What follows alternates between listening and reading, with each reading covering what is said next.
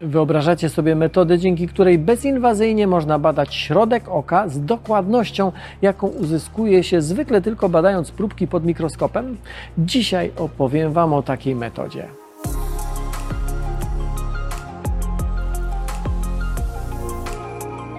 Po raz pierwszy na większą skalę zauważono, jak szkodliwe jest patrzenie tylko na obiekty, które znajdują się blisko naszych oczu podczas zimnej wojny, gdy załogi ogromnych atomowych okrętów podwodnych całymi tygodniami znajdowały się pod wodą. Na okręcie podwodnym oko nie ma szans spoglądania na obiekty, które znajdują się daleko. Myślę, że wtedy nikt nawet by nie przypuszczał, że w przyszłości ten problem będzie dotyczył nie tylko marynarzy, ale całkiem sporej części społeczeństwa. Oczy odpowiadają za odbiór ponad 80% informacji o otaczającym nas świecie. Pochłaniając coraz to nowe obrazy, nasz wzrok jest codziennie atakowany milionami bodźców i bardzo obciążony, choćby wpatrywaniem się w ekrany rozmaitych urządzeń elektronicznych.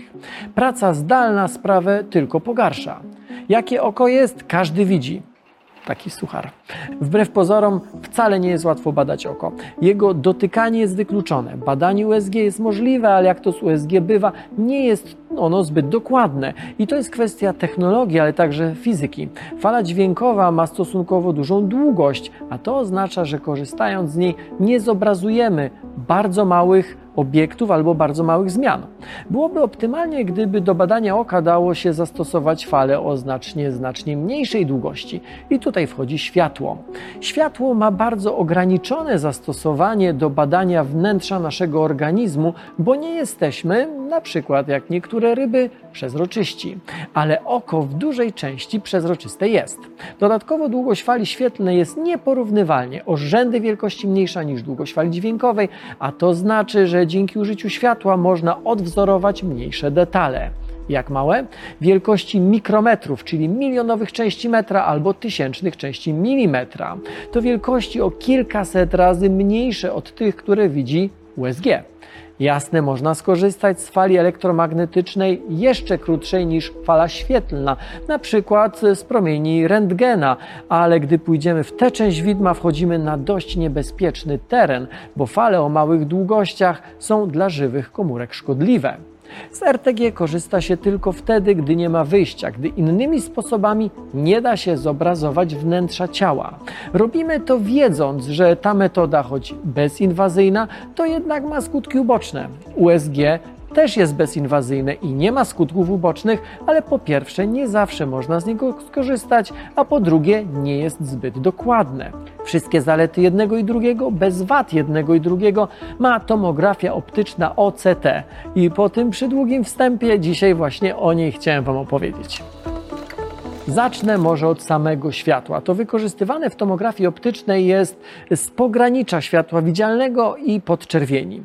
Dzięki niemu można zobaczyć nieinwazyjnie struktury z dokładnością podobną do dokładności, jaką mamy w mikroskopie optycznym. Oczywiście z tą różnicą, że po to, żeby skorzystać z mikroskopu, trzeba tkankę wyciąć i przygotować, a tutaj o żadnym wycinaniu nie ma nawet mowy. W rzeczywistości dopiero po wprowadzeniu właśnie tej metody można było z tak dużą dokładnością dokładnością badać oko. Wcześniej, by tę dokładność uzyskać, trzeba było poczekać na śmierć pacjenta albo badać oko, które na przykład w wyniku wypadku zostało stracone albo w wyniku jakiejś choroby musiało zostać usunięte. Dzięki tomografii optycznej tniemy oko wirtualnie, tak jak tniemy wirtualnie promieniami rentgena w tomografii komputerowej. Tworzymy trójwymiarowy obraz, który następnie możemy na ekranie obracać, przybliżać czy zaglądać do jego środka. Tomografem optycznym możemy badać nie tylko oko. Tutaj zobaczcie, jak wyraźny obraz na skórka palca można dzięki tej metodzie uzyskać. Głębiej w ciało nie zajrzymy, bo promienie światła są zatrzymywane przez tkanki wszędzie, ale nie w oku. Żeby to zaglądanie do jego środka było łatwiejsze, czasami konieczne jest podanie kropli po to, żeby rozszerzyć źrenicę, ale to w zasadzie jedyna ingerencja w oko. No dobra, a jak to działa? Bardzo analogicznie do USG, tyle tylko, że ze światłem.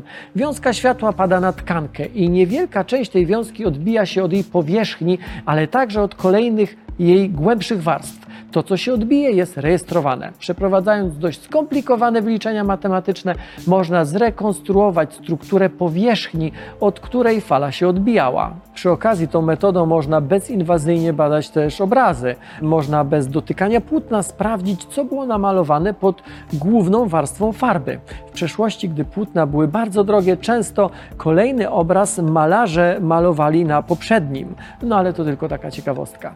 W tomografii optycznej oka badamy siatkówkę, analizując współczynnik odbicia światła od poszczególnych jej warstw. OCT umożliwia wykrywanie chorób siatkówki, takich jak zwyrodnienie plamki żółtej czy zmian jaskrowych, ale także na przykład do oceny nerwu wzrokowego.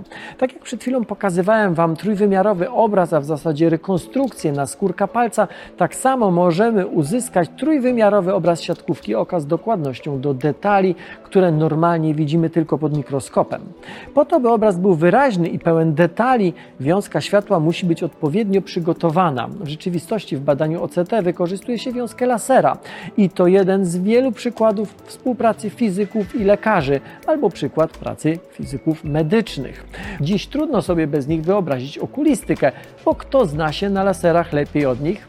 Nad takimi badaniami pracują zespoły związane przykład z Polską Akademią Nauk, m.in. Instytut Chemii Fizycznej, którego częścią jest Międzynarodowe Centrum Badań Oka. A co to ma wspólnego z okrętami podwodnymi, od których zacząłem?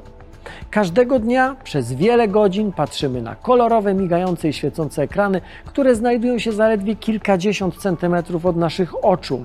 Z powodu technologii więcej pracujemy w bliży, co jest jedną z przyczyn pogarszania się naszego wzroku i ogólnie mniejszej higieny wzroku. Na stronie naukatolubie.pl jakiś czas temu pisaliśmy o wadach wzroku u dzieci i te teksty cieszyły się ogromną popularnością. Widzicie i wy, że wzrok wasz i waszych dzieci jest poddany ogromnym przeciążeniom. E, temat jest bardzo ważny i dlatego postanowiłem o tym zrobić odcinek na naukatolubie.pl. A samą technologią koherentnej tomografii optycznej zainteresowałem się po rozmowie z Fundacją Candela, działającą na rzecz rozwoju optyki i fotoniki w Polsce. Nauka to lubię, nie tylko na Facebooku, YouTube. E, czytajcie stronę naukatolubie.pl i słuchajcie naszych podcastów.